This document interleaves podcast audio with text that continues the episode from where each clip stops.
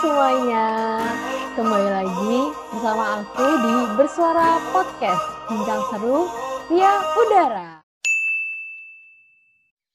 Nah, di sini aku perkenalin dulu ya, nama aku Valencia Irawan dari angkatan 2018. Di sini aku sebagai host, tapi tenang aja, di sini aku nggak sendirian.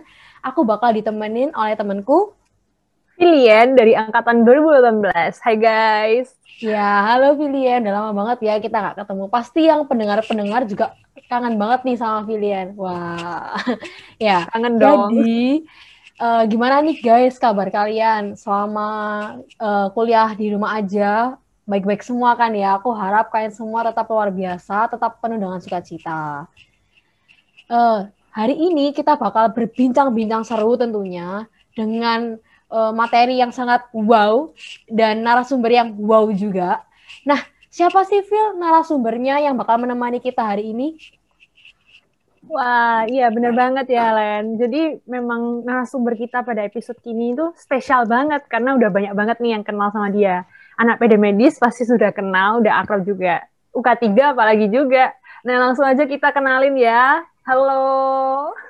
Hai guys. Halo guys, buat kalian yang mendengarkan podcast ini, selamat datang di Bersuara Podcast. Kenalin nama aku, nama aku Intan, Intan Alda dari angkatan 2018. Uh, biasa dipanggil, panggilan imutnya tuh Intun, gitu. Asik. Memang ya, Intan ini berbeda daripada yang lain, karena dia punya panggilan, Bener. itu tuh Intun.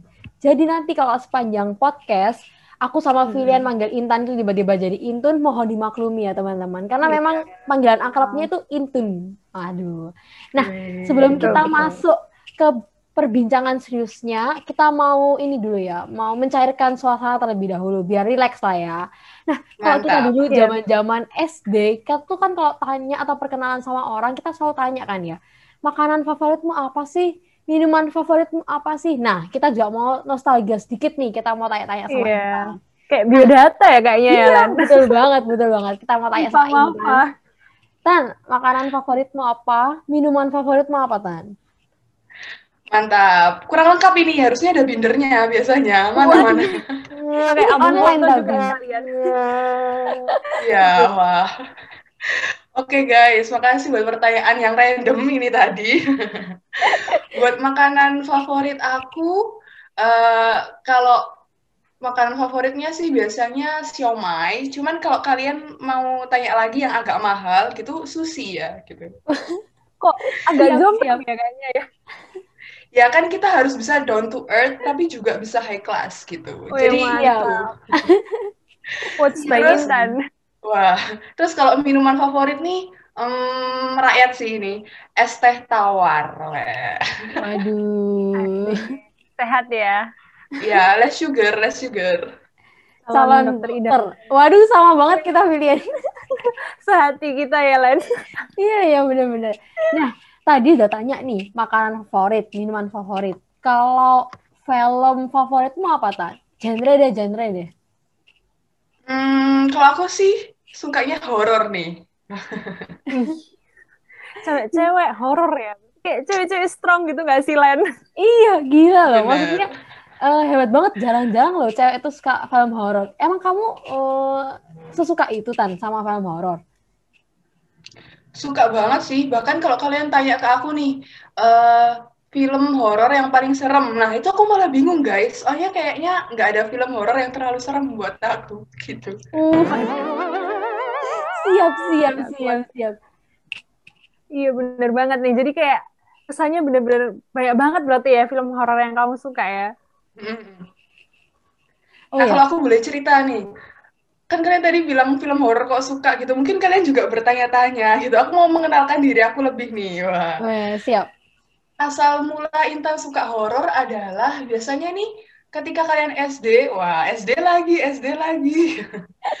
kan biasanya nih kalau kita juara kelas, wah kita tuh kayak dikasih kado gitu kan guys, kayak entah itu eh, sepatu baru atau tas baru gitu naik kelas kan. Nah waktu itu nih aku tuh naik kelas 2 SD, aku inget banget aku lupa juara satu atau dua. Wah nggak tahu. Sombong. Nah yang jelas itu guys uh, hadiah uh, ranking aku itu adalah nonton film horor. Jadi film pertama yang aku tonton di bioskop adalah Bangku Kosong. Dan ya mungkin itu sih yang mengawali kecintaan aku sama film horor guys. Wah, gila banget sih. Itu buat cowok-cowok di luar yang mau deketin Intan. Nah, itu udah tahu tuh ya, dia sukanya film horor. Bener, bener, iya. bener. Ya, tapi kayaknya udah mendarah daging banget ya kayaknya ya Tun ya, sama hal-hal yang berbau horor gitu. Nah, ini jadi aku jadi penasaran nih. Mungkin cowok-cowok juga jadi penasaran kan ya. Tapi kalian juga jangan takut ya.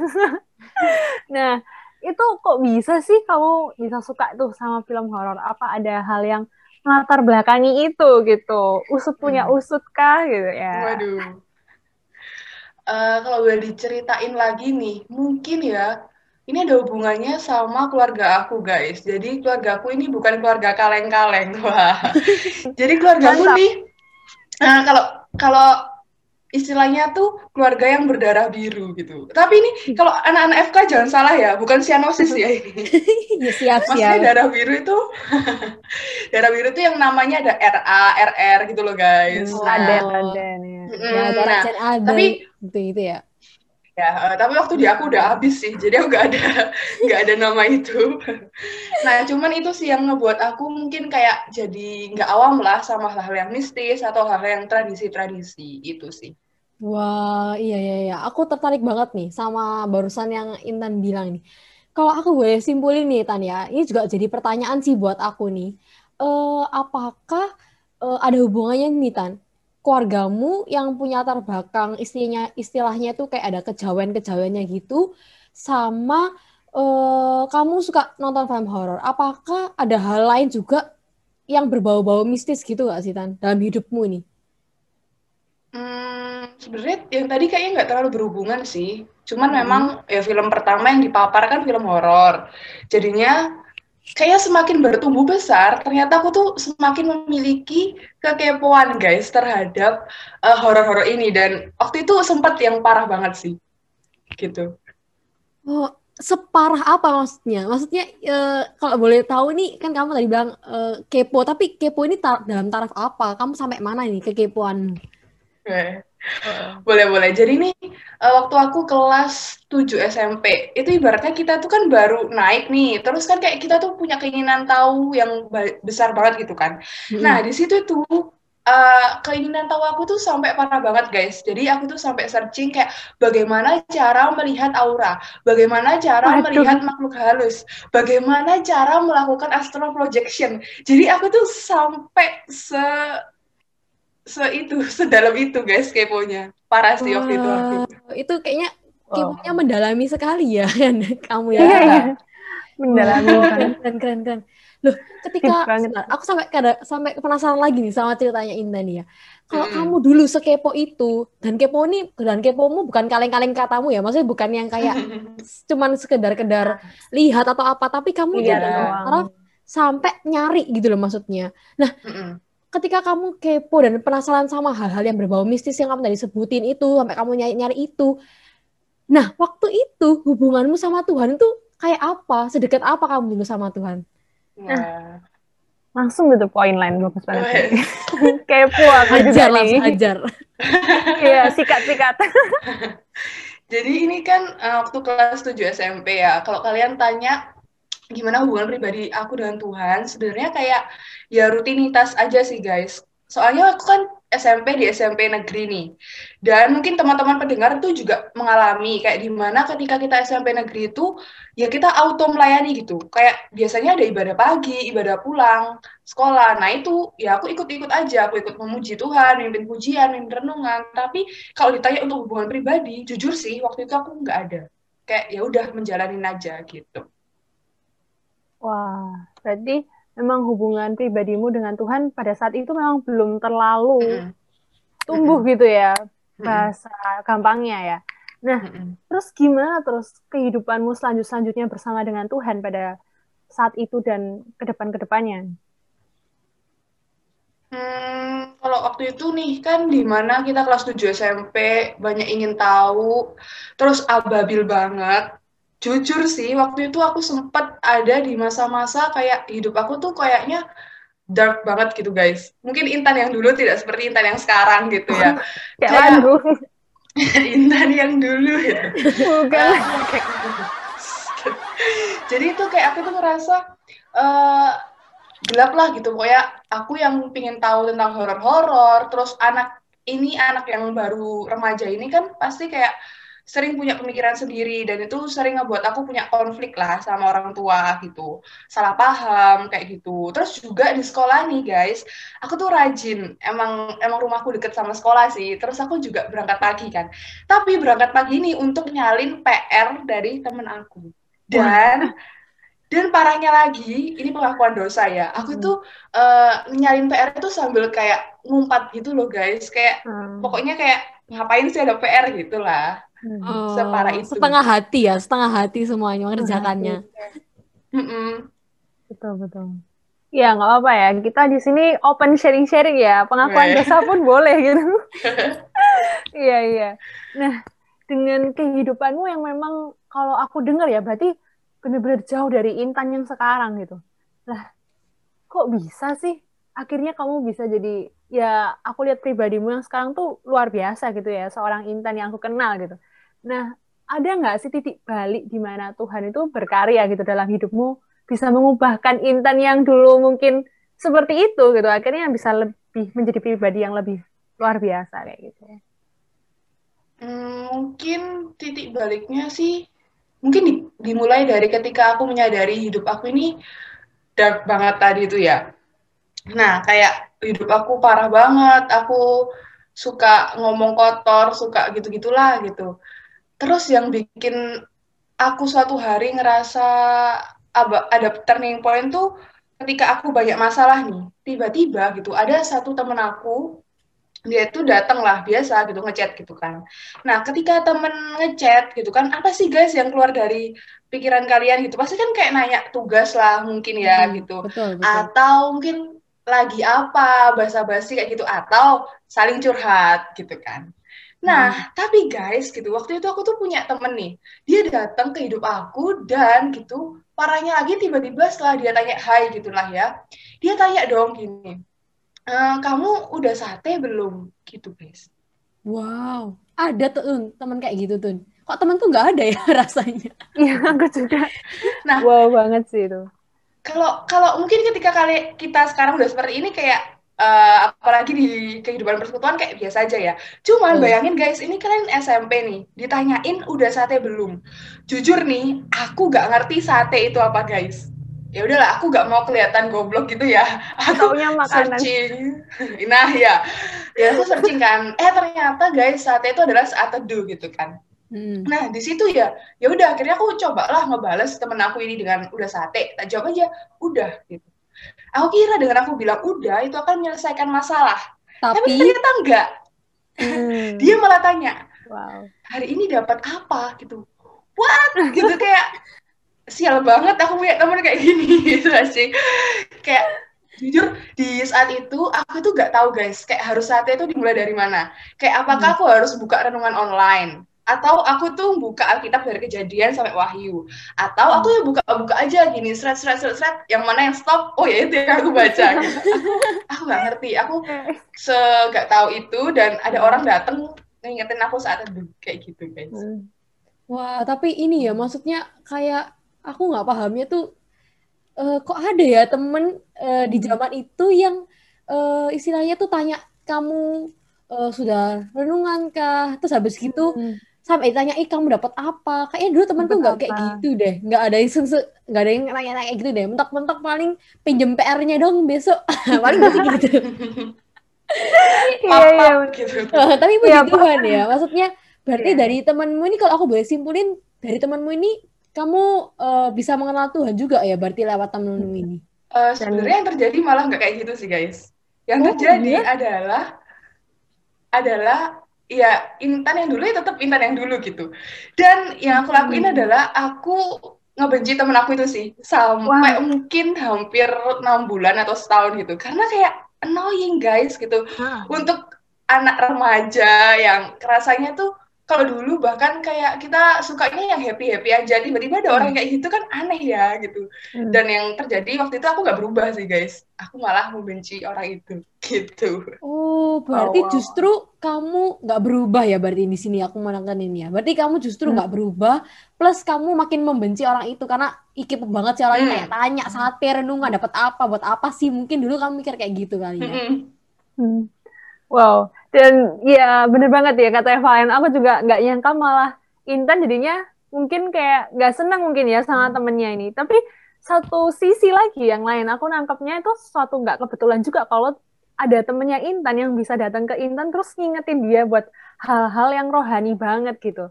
Lah, uh, iya nih, nah ketika kamu ditanya kayak gitu tuh, apakah kamu langsung ya akrab sama Tuhan, terus rindu mengenal Tuhan. Kan pertanyaan tuh pertanyaannya kan tuh the point banget ya nggak sih, Len?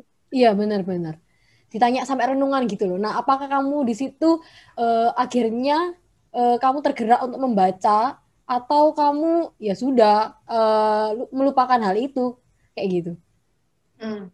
Oke, okay, ini kalau aku boleh ceritain agak detail sih, itu kan kejadiannya mungkin kayak mungkin April atau Mei gitu kan guys. Nah, di situ ya ya udah Intan semakin membenci orang itu. Intan Intan nggak peduli gitu. Sampai di suatu hari di bulan Desember nih guys nggak tahu kenapa mungkin uh, ya Tuhan juga mungkin menggerakkan aku gitu ya. Aku tuh kayak memiliki kerinduan pribadi sih gitu buat mulai ngebaca Alkitab. Nah akhirnya nih dengan aku nggak tahu saat itu apa gitu kan terus aku tuh berinisiatif oke okay, gitu. Aku akan mulai baca dari Wahyu guys. Kalian tahu alasannya kenapa nggak kira-kira akhir zaman. enggak, enggak. Soalnya oh. supaya aku tuh cepet tobat gitu loh. Aku kira dari aku membaca Wahyu, aku akan cepet oh. tobat. Terus ya udah jadi yang lebih baik gitu. Nah, okay. di bulan Desember itu aku mulai membaca ya, mungkin kayak satu satu judul sih, satu judul sehari. Terus meningkat jadi satu pasal sehari. Dan sampai ketika bulan Januari itu udah mulai kan kayak ujian-ujian. Nah, di situ tuh kayak aku mulai merasakan bahwa uh, yang aku baca Alkitab ini tuh bermanfaat gitu. Mungkin yang aku baca Alkitab nggak full gitu ya guys, nggak aku belum pernah katam kan waktu itu. Cuman kayak apa yang aku pelajari waktu baca sendiri, waktu di gereja itu kayak mendengung di kepala aku gitu. Jadi ketika misalnya kayak mau nyontek nih, tiba-tiba ada yang ingetin kayak ya masa nyontek sih nggak percaya sama kuasa Tuhan gitu. Dan mungkin sejak saat itu di di desa eh, di Januarinya itu aku mulai memiliki hubungan yang pribadi dengan Tuhan gitu. Oh, wow, keren, keren, keren, keren. Tapi justru uh, yang aku agak aneh itu ya, berarti justru kamu timbul sendiri ya di dalam hatimu untuk kamu itu uh, membaca Alkitab meskipun waktu itu motivasimu adalah buat tobat lah ya. Akhirnya kamu baca Wahyu dulu gitu. Ya, tapi puji Tuhannya akhirnya kamu uh, memiliki kerinduan untuk membaca Alkitab. Hmm. Oh ya, Tun. Dari kan dari tadi kan aku udah denger nih kalau kamu nih udah uh, sejak SMP kamu sudah melayani Tuhan kan? Maksudnya meskipun itu bukan yang melayani karena kemauanmu, tapi auto melayani lah ya, karena kamu sekolah di negeri. Terus uh, aku juga lihat satu momen ketika kamu Desember itu, kamu mulai uh, istilahnya tuh penasaran gitu kan, penasaran. Akhirnya kamu membaca dan kamu bisa kenal Tuhan di situ lewat rasa penasaranmu itu. Nah, setelah itu apakah ada sebuah perubahan yang kamu alami dalam pelayananmu sampai kamu hari ini maksudnya ketika kamu SMA kamu melayani uh, baik itu di gereja maupun di tempat mana itu apakah ada sebuah perubahan dalam hidupmu ketika kamu melayani Tuhan? Hmm, mungkin yang paling berubah sih sebenarnya memang hubungan pribadi sama Tuhan sih. Kayak di mana ketika kita selama ini nggak pernah tanya ke Tuhan tentang hal apa pun ya gitu dalam melayani, kita tuh malah akhirnya tanya ke Tuhan gitu. Terus aku juga Iya bertumbuh sih kalau soal pelayanan semakin disempurnakan walaupun juga belum sempurna gitu. Jadi mulai dari SMP yang cuman auto, terus mungkin SMA juga lebih melebatkan Tuhan sampai akhirnya di persekutuan doa ini gitu, di PD medis ini gitu. Puji Tuhan, uh, Tuhan ngasih aku kesempatan buat melayani gitu. Oh, berarti sudah benar-benar itu ya, Tun, kayak menjadi intan yang lebih baik lagi gitu ya dan Tuhan sudah berproses banyak gitu dalam hidupmu gitu nah ketika kamu melayani gitu akhirnya kamu bisa sampai di PD medis ini kan nih pelayanannya apakah dalam perjalanan itu kamu akhirnya bisa dapat suatu panggilan atau kerinduan khusus gitu tersendiri dari Tuhan yang ditanamkan di dalam hati kecilmu untuk pekerjaan Tuhan. Hmm.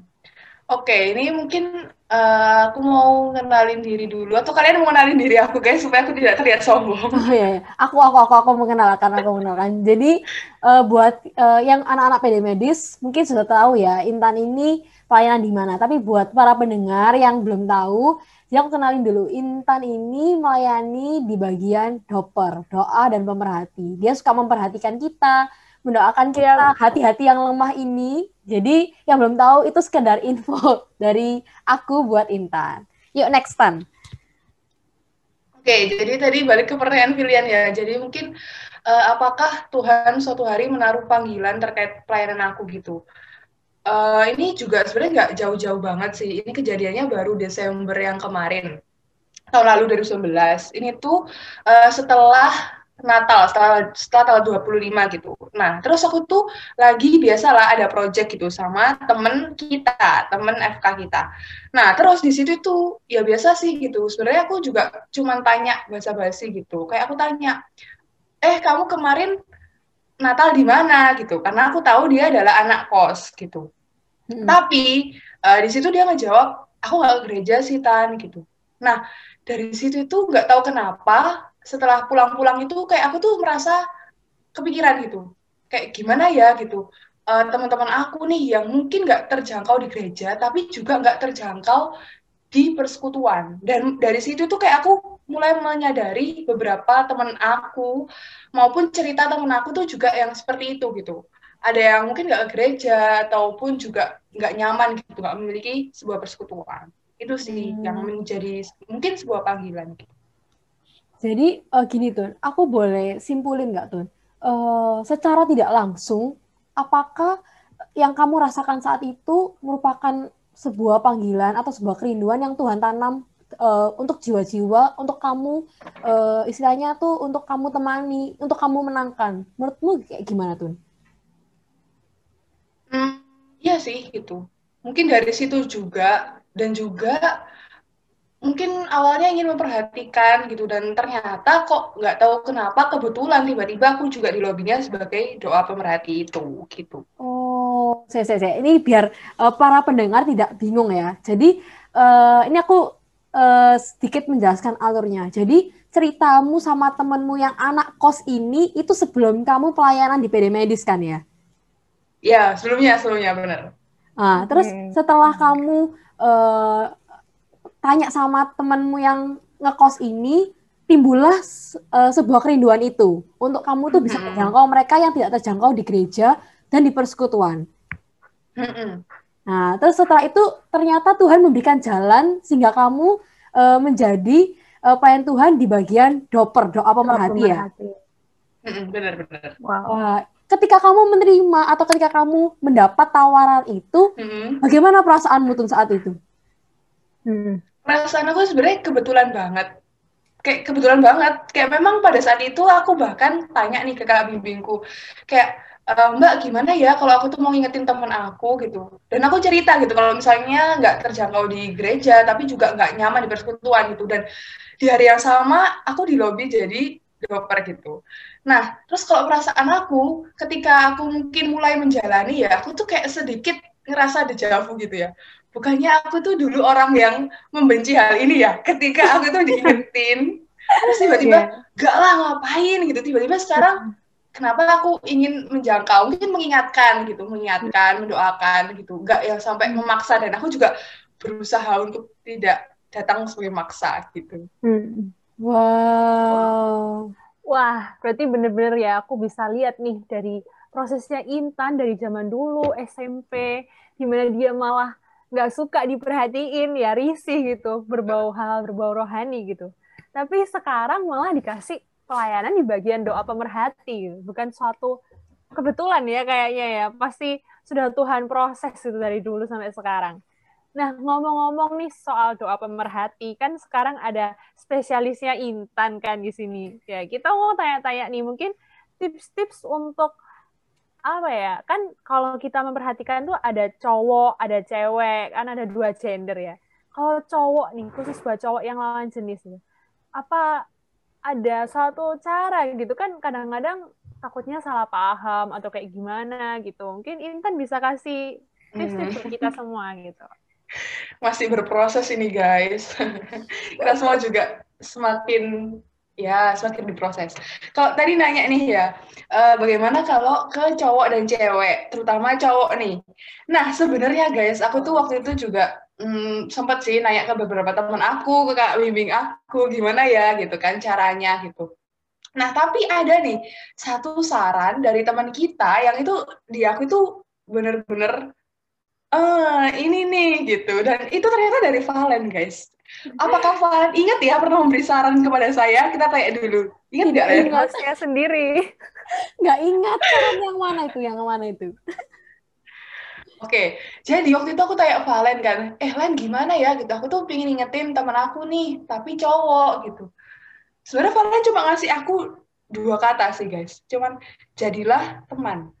Nah, tapi dua katanya Valen itu diproses sama kepala aku gitu. Di situ aku kayak mengartikan dalam dua hal. Pertama, jadilah teman. Ya ketika kalian datang, bukan berarti kalian tuh yang udah yang paling benar. Kalian yang datang untuk mendobrak semua hal yang salah ke dia gitu. Enggak, tapi jadilah teman. Teman cerita gitu. Dan sama-sama bertumbuh gitu. Kalian cuman lagi lebih baik aja gitu. Bukan berarti kalian yang lebih suci, lebih dari apa-apa gitu dari mereka. Dan yang kedua nih, arti jadilah teman menurut aku adalah ya kalian datanglah sebagai teman. Benar-benar yang ya udah pure aja gitu, nggak usah berharap apa-apa. Dan jangan apa ya, jangan ngebuat mengenalkan Tuhan itu sebagai alibi kalian sih. Soalnya uh, mungkin banyak orang yang awalnya kayak coba-coba, terus kayak ya kan nanti aku bisa kenalin Tuhan gitu. Kenalin Tuhan nggak harus pacaran gitu sih. Iya kan? Oh. Kayaknya ada makna tersirat ya, makna tersirat di oh, dalam. Enggak, enggak. Jadilah teman guys. Jadi yeah, memang yeah. ya datang sebagai teman gitu. Bersahabat aja yang banyak ngumpulin teman gitu. Iya, yeah, aku dari setuju, aku. setuju, setuju. Ah, tapi aku tidak ingat ya itu sarannya dari mana. ya, tapi itu juga sekarang jadi yang menegur aku juga ya berarti ya. Nah, hmm. ini nih Don, aku mau tanya nih, kan kamu nih uh, punya kerinduan tersendiri kan ya untuk memperhatikan mm -hmm. orang, istilahnya tuh apa ya, merangkul jiwa-jiwa yang terhilang lah, istilahnya bilangnya kayak gitu kan. Mm -hmm. Terus kamu juga pelayanan sebagai doa dan pemerhati di mana kamu harus mendoakan dan memperhatikan mereka-mereka juga ini. Nah, uh, sebagai uh, si doa dan pemerhati sebagai seseorang yang dipunyai uh, kerinduan untuk melakukan hal itu, apakah kamu uh, pernah nggak tuh kalau lihat ada orang yang dulu aku nih udah udah apa ya saya merangkul orang ini kok orang ini kok rasanya nggak kena ya diajak ngomong kok rasanya orang ini hmm. bandel banget ya malah dia tuh jalan sakaratnya sendiri itu menurut kamu gimana nih Tun? Ini mungkin kayak suka duka gitu ya? Iya bisa jadi. Nah, ini sebenarnya ada peran kamu juga loh Len di sini untuk membentuk aku. Apalagi nih aku. Wah, Len nanti lima puluh ribu OVO ya. siap, siap, siap. Nggak, ini tuh uh, gini sih. Waktu itu aku juga pernah ada di titik desperate gitu mungkin ya, gitu kayak udah ngingetin orang gitu. Tapi kok nggak ada perubahan. Nah, yang pertama kali aku waktu aku curhat ke Valen tuh, Valen bilangnya adalah kalau bukan kamu siapa lagi gitu. Ingat ya Len? Iya iya iya, ini aku kayaknya inget deh. Nah, nah sebenarnya juga nggak bisa diproses mentah-mentah itu aja sih guys gitu, karena ya sebenarnya sebenarnya banget kita kan nggak pernah tahu ya orang itu punya orang yang ingetin dia atau enggak gitu. Tapi ketika memang Tuhan memberi beban kepada kita untuk ya doain, untuk ingetin gitu, uh, ya rasanya itu menjadi tanggung jawab kita gitu. Aku juga sempat gitu ketika aku ada di posisi aku harus ngapain lagi ya sama orang ini gitu. Tiba-tiba Tuhan itu juga ingetin aku gitu. Ingetinnya adalah ibaratnya tuh ngingetin kayak hmm, bentar. Ngingetinnya kayak misalnya kamu udah yakin kamu punya keselamatan masa sih kamu nggak mau membagikan itu kepada orang lain gitu? Hmm. sesimpel itu sih sebenarnya. Tapi aku juga pernah jatuh ke dalam jurang yang kesombongan itu gitu. Di mana nih kan kita melayani sombong nih. Maksudnya kayak ingin lah cepet ya ini orang harus berubah lah gitu. Kayak ibaratnya kayak memaksakan orang itu ikut berubah seperti yang kita rasakan gitu kan. Nah, di situ gitu aku juga ditegur sama Tuhan gitu. Ketika aku bilang, "Tuhan, kok orang ini nggak berubah ya?" gitu. Tuhan ingetin aku gitu bahwa sebenarnya yang memberi pertumbuhan itu Tuhan loh gitu. Jangan sampai kita itu menjadi juru selamatnya gitu. Harusnya juru selamatnya adalah Tuhan gitu. Dan ketika orang itu nggak berubah ya, ya nggak apa-apa, lakukan bagianmu. Tuhan ingetin aku gini, bukan berarti ketika kamu menuai seseorang, kamu mengubahkan orang, kamu adalah melayani. Enggak. Tapi sejak awal kamu menanyakan orang itu, nyapa mungkin ya ini kalau dalam konteks di gereja kayak monggo bu gitu. Aku itu diingetin Tuhan ya itu udah melayani gitu. Bukan sekedar menuai gitu. Tuhan nggak pernah memperhitungkan besar atau kecilnya kayak gitu. Wow, keren banget sih. Jadi luar biasa sih aku dengar ceritanya Intan dan memang setuju banget ya karena masing-masing kita tuh ada perannya masing-masing ya yang sudah Tuhan taruh gitu. Entah kita yang bagian menabur entah kita bagian menuai atau kita bagian yang mempertumbuhkan gitu. Nah mm-hmm. mungkin Valen mungkin mau kasih ada tanggapan atau apa gitu. Nah iya iya. Tadi aku juga ini sih apa namanya juga ter amazed sama kata-katanya Intan ya. Uh, yang mungkin ya aku tahu sih ini pasti semua juga karena Tuhan juga gitu loh. Uh, tapi benar banget sih kadang kala itu kalau kita merasa aku punya kerinduan di satu hal, pasti rasanya tuh hmm. kalau aku yang aku ini ini aku juga yang bakal mendapatkan hmm. pelayanannya gitu loh. Betul. Tapi dari tadi waktu Inun cerita, aku juga merasa jadi tertegur gitu loh. Kadang-kadang uh, apa yang kita tabur belum tentu kita yang akan menuai itu gitu loh. Jadi hmm. uh, ya aku belajar banyak sih dari cerita Intun uh, sekarang ya jadi kayak oh ternyata ya benar kita tuh nggak berhak untuk kita yang berhak merasa. Uh, merasa harus kita yang menuai itu ya itu aku setuju banget sama yang udah Intan katain. Oh ya ini Tan uh, kita ini udah dari tadi udah ngobrol banyak ya panjang kali lebar kali tinggi lah ya pokoknya sudah semuanya volume dong.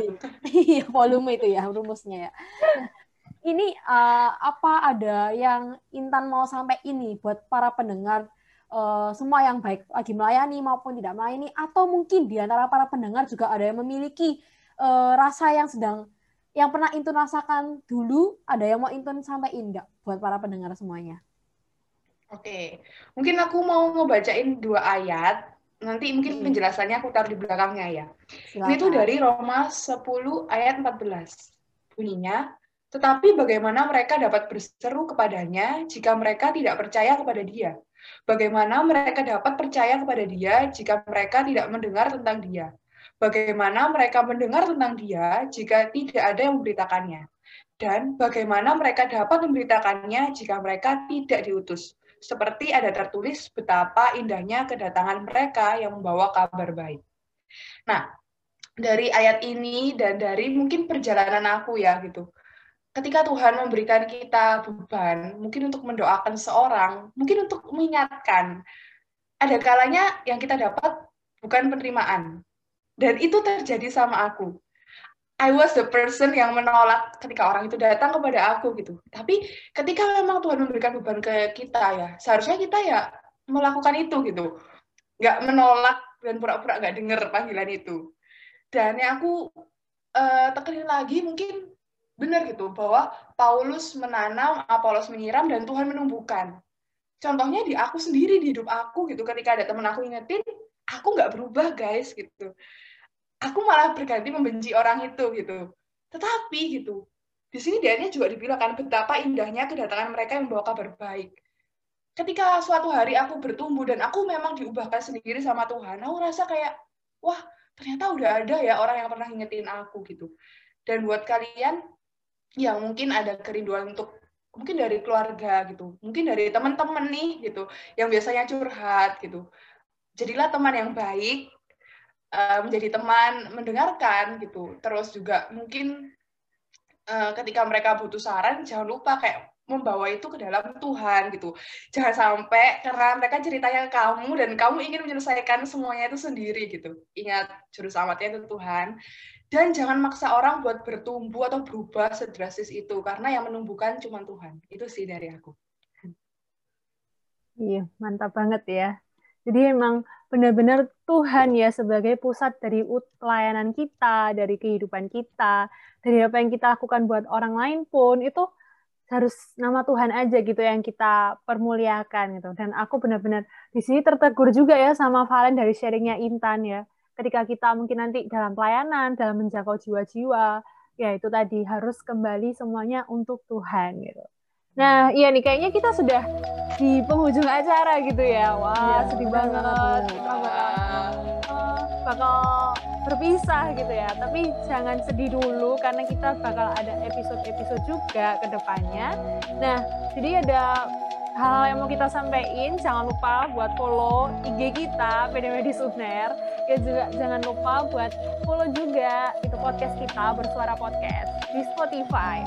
Nah mungkin Valen juga ada kata-kata penutup nih buat kita biar biar nggak kangen nih. Ya, ya. Aku sampai terdiam nggak bisa ngomong gara-gara emes sama cerita yang udah dibagiin sama Intan ya. Jadi aku setuju sama semua yang Intan udah sharing hari ini dan aku juga uh, apa ya berdoa semoga yang ada di rumah juga terberkati sama cerita yang udah di sharingkan sama Intan.